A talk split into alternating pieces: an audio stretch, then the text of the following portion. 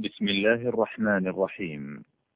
يسر موقع المسلم أن يقدم لكم ضمن سلسلة المحاضرات العامة لفضيلة الشيخ الأستاذ الدكتور ناصر بن سليمان العمر تسجيلا لهذه المحاضرة والتي هي بعنوان وما بدلوا تبديلا.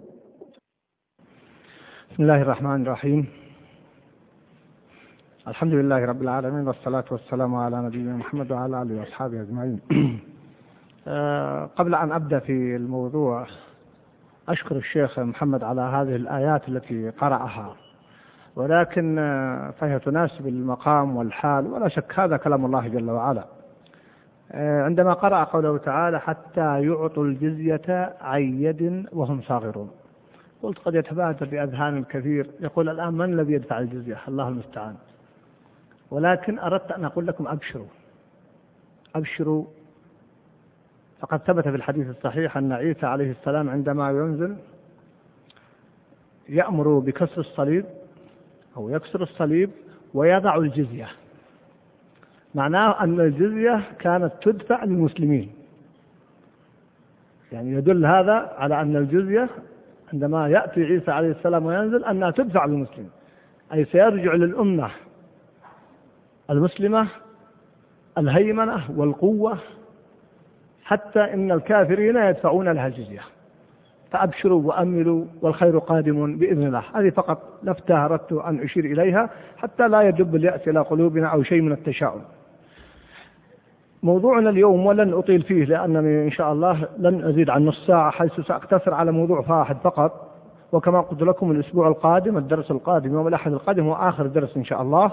وسأخصصه لما يتعلق بإكمال هذا الموضوع وما بدلوا تبديلا.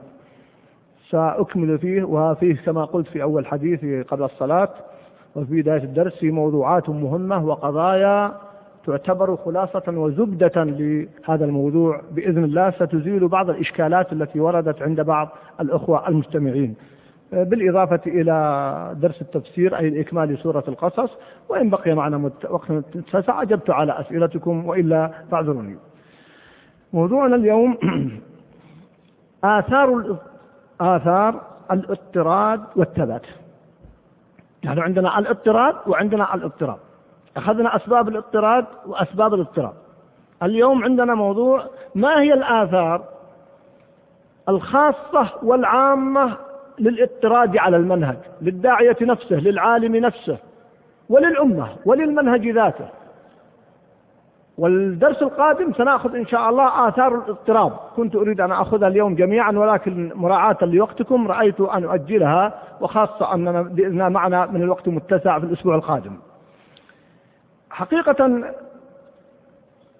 للثبات على المنهج والاضطراد فيه آثار عظيمة في العاجل والآجل يصعب حصرها ولكنني أشير إلى أبرزها.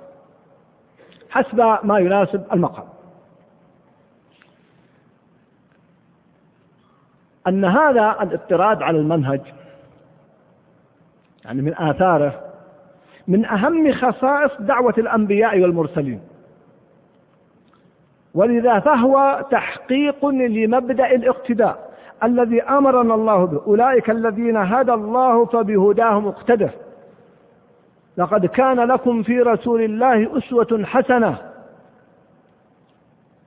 وكان عمله ديمة صلى الله عليه وسلم كما في الحديث الصحيح. أي مضطردا ثابتا.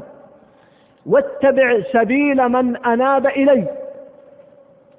إذا الذي يضطرد على المنهج ويثبت عليه ويبتعد عن الاضطراب يكون متبعا اتباعا حقيقيا للأنبياء والمرسلين عليهم وعلى نبينا أفضل الصلاة والسلام. ثانيا أن صاحبه الذي يضطرد على المنهج ويثبت عليه داخل تحت الثناء الإلهي من المؤمنين رجال صدقوا ما عاهدوا الله عليه. فمنهم من قضى نحبه ومنهم من ينتظر وما بدلوا تبديلا. ومن ثم يتحقق الوعد والجزاء ليجزي الله الصادقين بصدقهم. وكفى بذلك أثرا ونعمة وفائدة. فكونك يا أخي الكريم تدخل تحت الثناء الإلهي والمدح الإلهي والجزاء الذي يعقب ذلك هنيئا لك بذلك. أيضا أنه التزام بالتوجيه النبوي كما ثبت عنه صلى الله عليه وسلم. فعليكم بسنتي وسنة الخلفاء الراشدين المهديين فتمسكوا بها وعضوا عليها بالنواجد وإياكم ومحدثات الأمور فإن كل محدثة بدعة وكل بدعة ضلالة. وهذا الحديث صححه الألباني وغيره وهو من رواية الإمام أحمد بن حبان والحاكم والترمذي والدارمي والبيهقي وهو صحيح.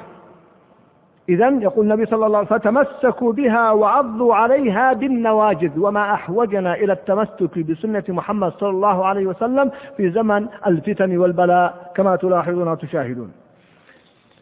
رابعا الاضطراد على المنهج والثبات على المنهج يدل على قناعة العالم والداعية بالمنهج الذي يسير عليه. وأن منهجه مبني على أصول ومنطلقات معتبرة. ولهذا لا تهزه الرياح ولا يتنازل أمام المغريات والفتن. هذه مسألة عظيمة جدا ذكرتها من وجه آخر من أسباب الاضطراد.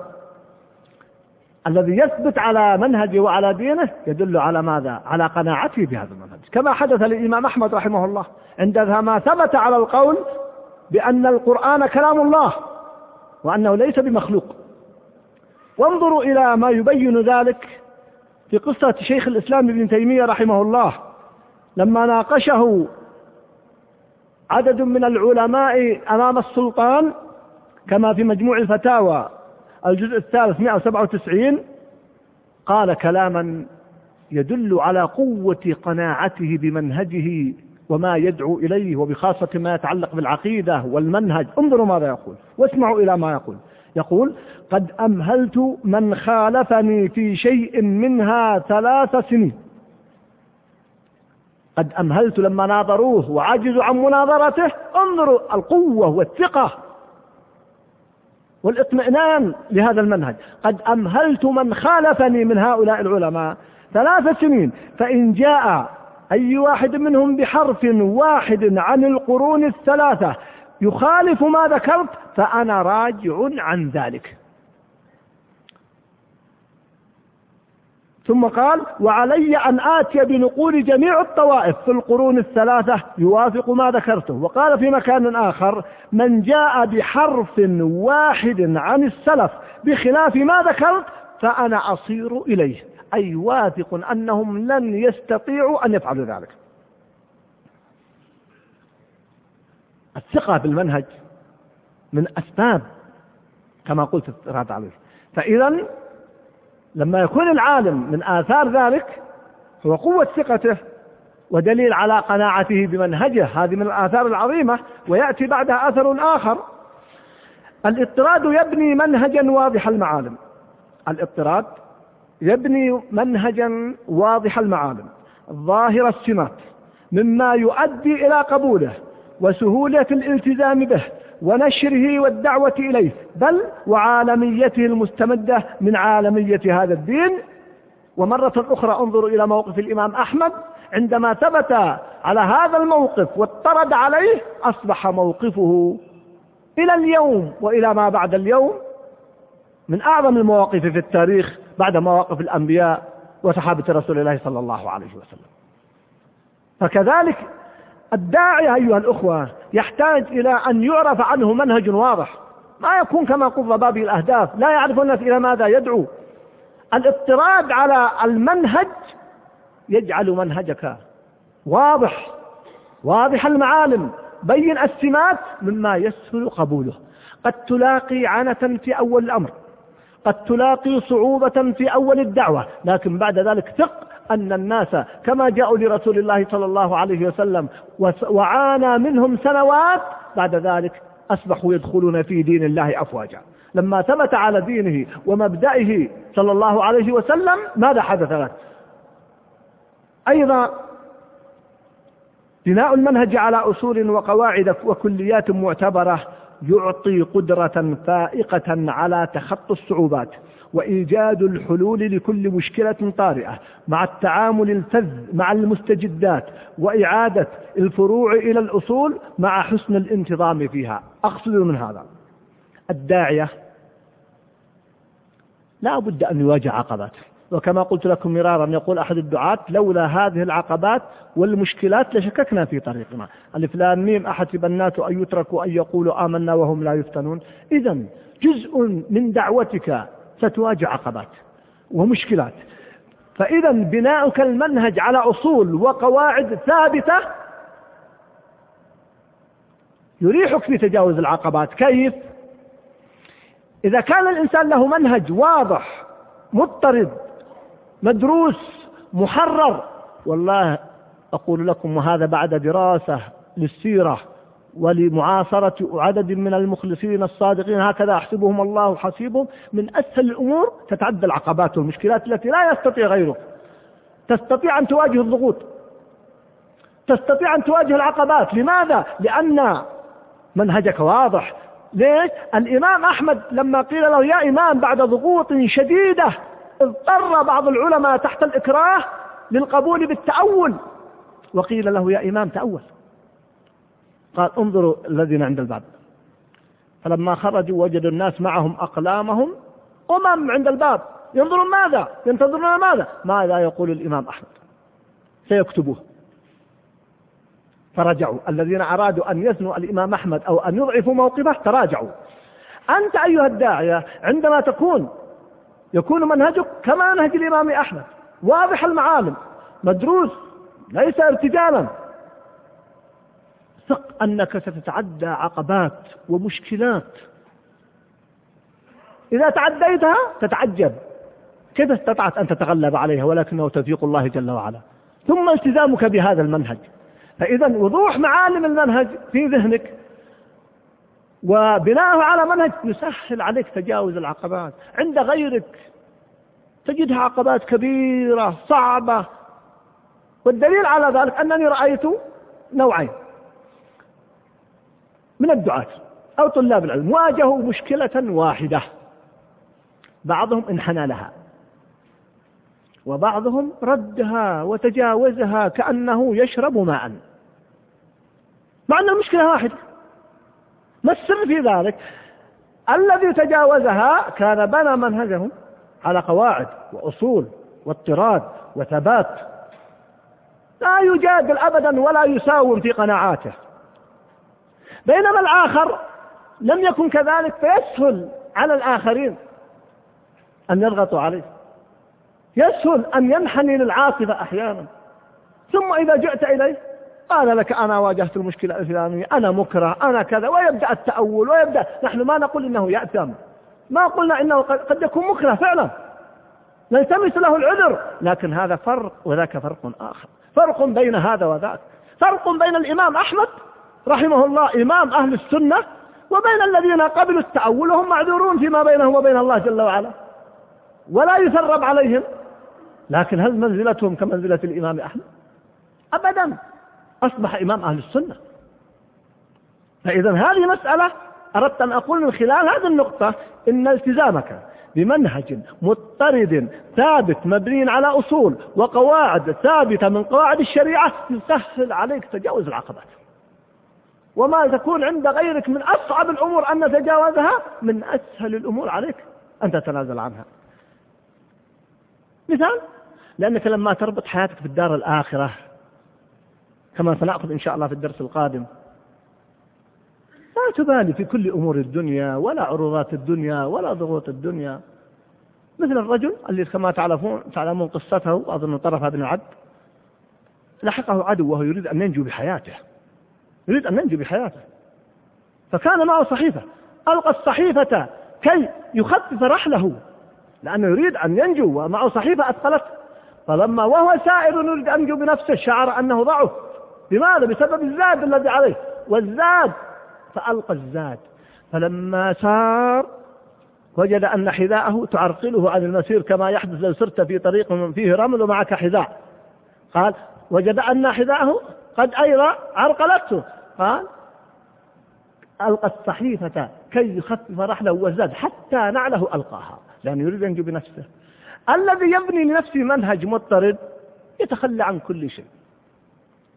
حتى ينجو بنفسه حتى ينجو بدينه وهو نجاة لنفسه في الدنيا والآخرة. أما الذي يكون مضطربا لا ينجو والله المستعان. أيضا مما يساعد في هذا الفهم أن الثبات والاضطراد من أهم مقومات انتصار الداعية والدعوة وهو أمر مشاهد محسوس في الماضي والحاضر حتى بل إن بعض أصحاب الدعوات الكافرة نجحوا في دعواتهم وانتصرت دعوتهم وهم على دعوات كافرة أو مناهج منحرفة بسبب ثباتهم على مبادئهم. هذه المسألة أيها الأخوة الثبات على الدين يحقق لك الانتصار. قد تنتصر في حياتك وقد تنتصر بعد وفاتك. شيخ الإسلام ابن تيمية انتصر بعد وفاته. الآن شيخ الإسلام ابن تيمية كلامه كتبه. رحمه الله من أعظم ما يقتنى مع أنه مات في السجن رحمه الله. مات في السجن مات سجينا. بعد سبعة قرون يحدث هذا الانتصار الهائل له رحمه الله. لماذا؟ لأنه ثبت على دين حتى آخر لحظة. حتى مات في السجن. سجن عدة مرات لم يتنازل لم يتضعضع مع وضوح المنهج مع القناعة بالمنهج كما ذكرت لكم قبل قليل. الحقيقة مسائل عجيبة جدا. وكما قلت. إذا هنا في هذه المسألة حتى بعض المذاهب المنحرفة. الآن الخوارج ثبتوا على منهجهم وهم على باطل والعياذ بالله. منهجهم قائم إلى اليوم. المعتزلة مع أنهم على باطل. وضلال وانحراف ثبت كثير منهم على منهجه. انظروا مدرسة المعتزلة. حتى الآن بلينا في الأمة من يسمون بأصحاب المدرسة العقلية. وهم أتباع للمعتزلة. هم أتباع لمدرسة المعتزلة ما جاءوا بجديد أبدا. فلا تنخدعوا بهم. لا تغتروا بدعواتهم لكن بعد قرابة ألف سنة بل أكثر من ألف سنة ومدرسة المعتزلة قائمة. وتتجدد بأسواء وأشكال. إذا كان أصحاب المدارس الباطلة تنجح دعواتهم وهم على باطل لأنهم ثبتوا عليها كيف بأصحاب الحق؟ كيف بمن اتباع محمد صلى الله عليه وسلم؟ هذا ما نحتاج إليه ولذلك انتصر أصحاب طالوت.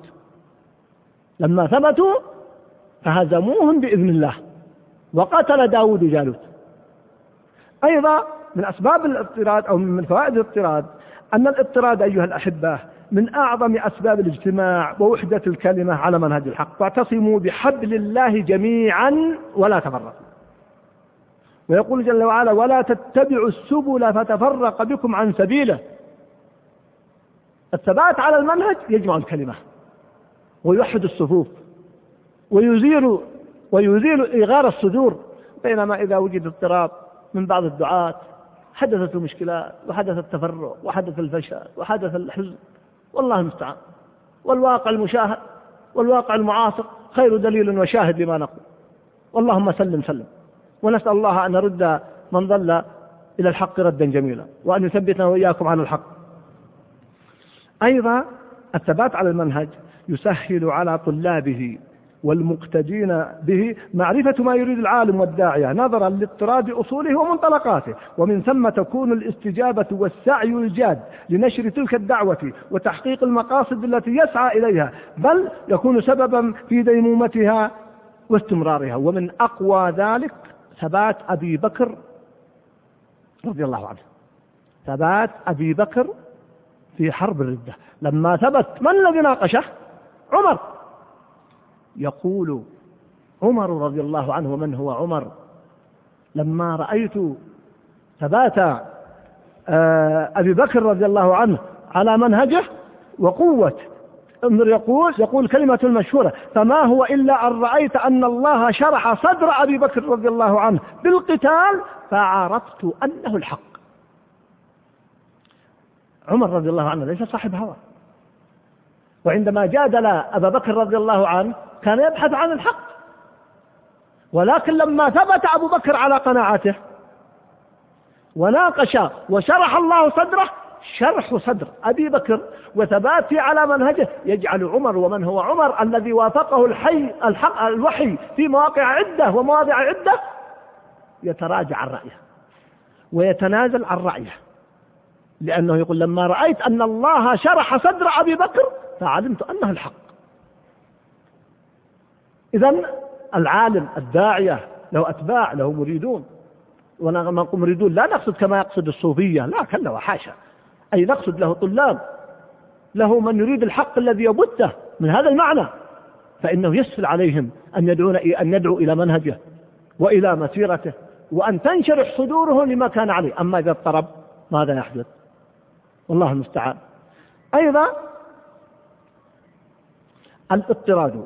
يبقي للعالم والداعية أثرا بعد رحيله لأنه ربى جيلا على منهج مضطرد وترك دعوة واضحة السمات والمعالم تتناقلها الأجيال جيلا بعد جيل. ولذلك محمد صلى الله عليه وسلم على ماذا تركنا؟ يقول صلى الله عليه وسلم تركتكم على البيضاء ليلها كنهارها لا يزيغ عنها بعد إلا حالك هذه ميزة الاضطراد.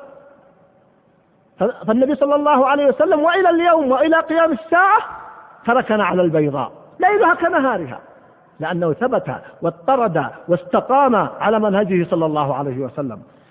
أيضا من أدلة ذلك الأئمة الأربعة. الأئمة الأربعة أيها الأخوة كانوا في القرن الثاني. كلهم كانوا في القرن الثاني. بعضهم ولد في نهاية القرن الأول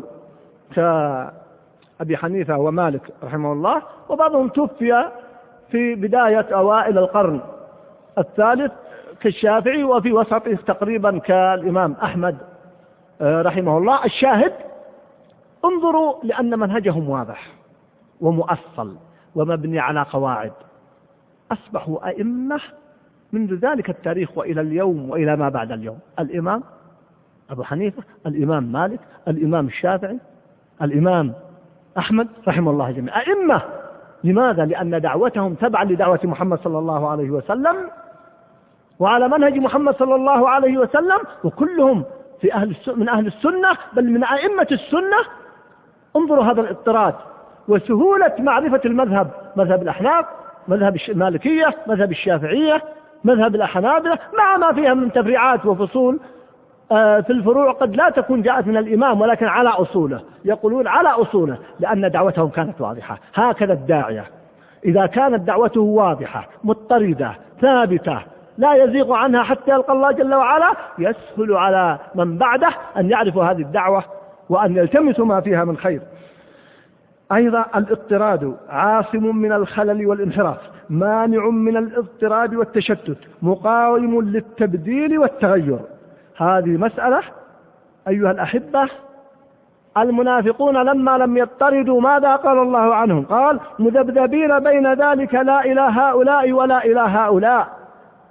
ويقول صلى الله عليه وسلم مثل المنافق كمثل الشاة العائرة بين الغنمين تعير, تعير إلى هذا مرة وإلى هذا مرة. قال النووي في شرحه على صحيح مسلم العائرة المترددة الحائرة لا تدري لأيهما تتبع ومعنى تعير أي تتردد وتذهب. إذا من فوائد الاضطراد أيها الأخوة هنا أنه يكون سببا لثباتك على دينك. أريد أوضح هذه النقطة مرة أخرى كما قلت قبل قليل.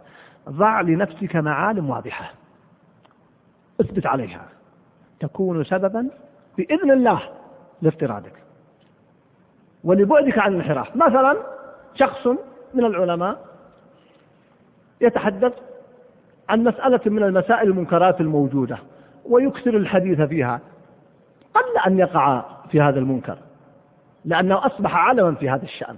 إذا اضطرادك على منهج واحد يكون عاصما لك من الوقوع في الزلل والخطل بإذن الله وما أحوجنا إلى مثل ذلك. النقطة قبل الأخيرة الاضطراد دليل على كمال شخصية صاحبه. الاضطراد دليل على كمال شخصية صاحبه ومنبئ عن قوة عقله وسعة وسعة علمه واستقرار طباعه وبعد نظره وأهليته للقيادة وجعلنا منهم أئمة يهدون بأمرنا لما صبروا وكانوا بآياتنا يوقنون. ولذلك أثنى الله جل وعلا على الأنبياء. أثنى على إبراهيم وأثنى على موسى وعلى يوسف وعلى غيرهم وعلى نبينا أفضل الصلاة والسلام وعليهم. إذا لعلكم لاحظتم ما أردته من هذه الفقرة. الثبات على منهج دليل على كمال شخصيته. والنبي صلى الله عليه وسلم يقول كمل من الرجال كثير فأسأل الله أن نكون وإياكم منهم. فهو دليل على كمال شخصية صاحبه ومنبئ عن قوة عقله وسعة علمه. لماذا؟ لأنه مع قوة عقله وسعة علمه وصل إلى القواعد والأصول الكلية في الشريعة فثبت عليها.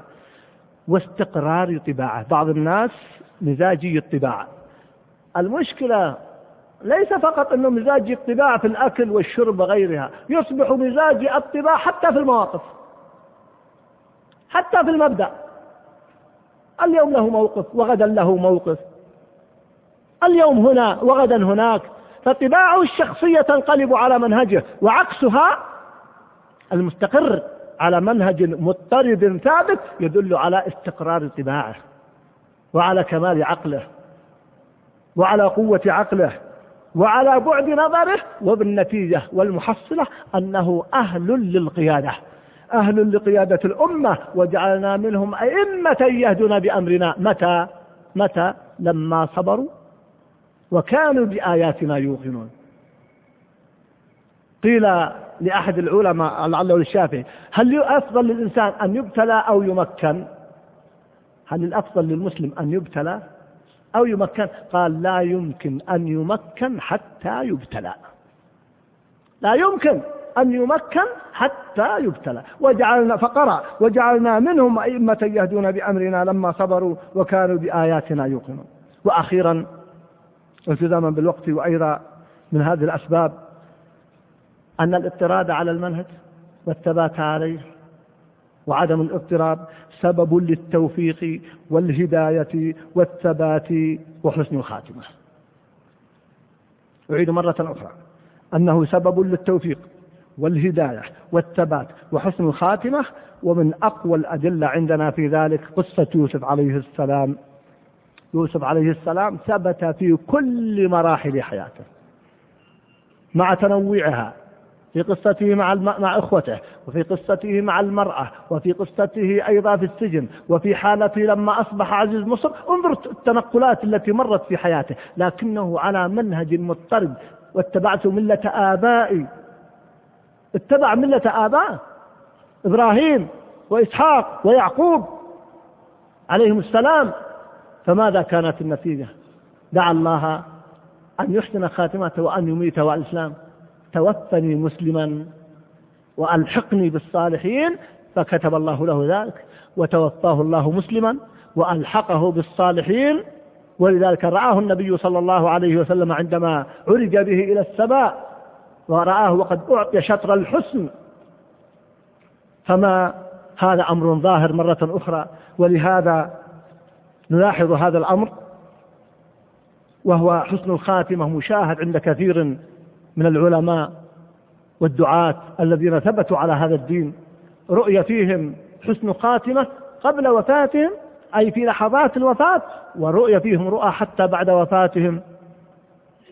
إذا هذا معنى عظيم نبحث عنه. كل من يسأل الله حسن الخاتمة من أعظم أسباب حسن الخاتمة هو الثبات على المنهج والاضطراد على المنهج. أقف عند هذا الحد وإن شاء الله في الأسبوع القادم نكمل هذا الموضوع المهم. أقول قولي هذا وأستغفر الله لي ولكم. السلام عليكم ورحمة الله وبركاته.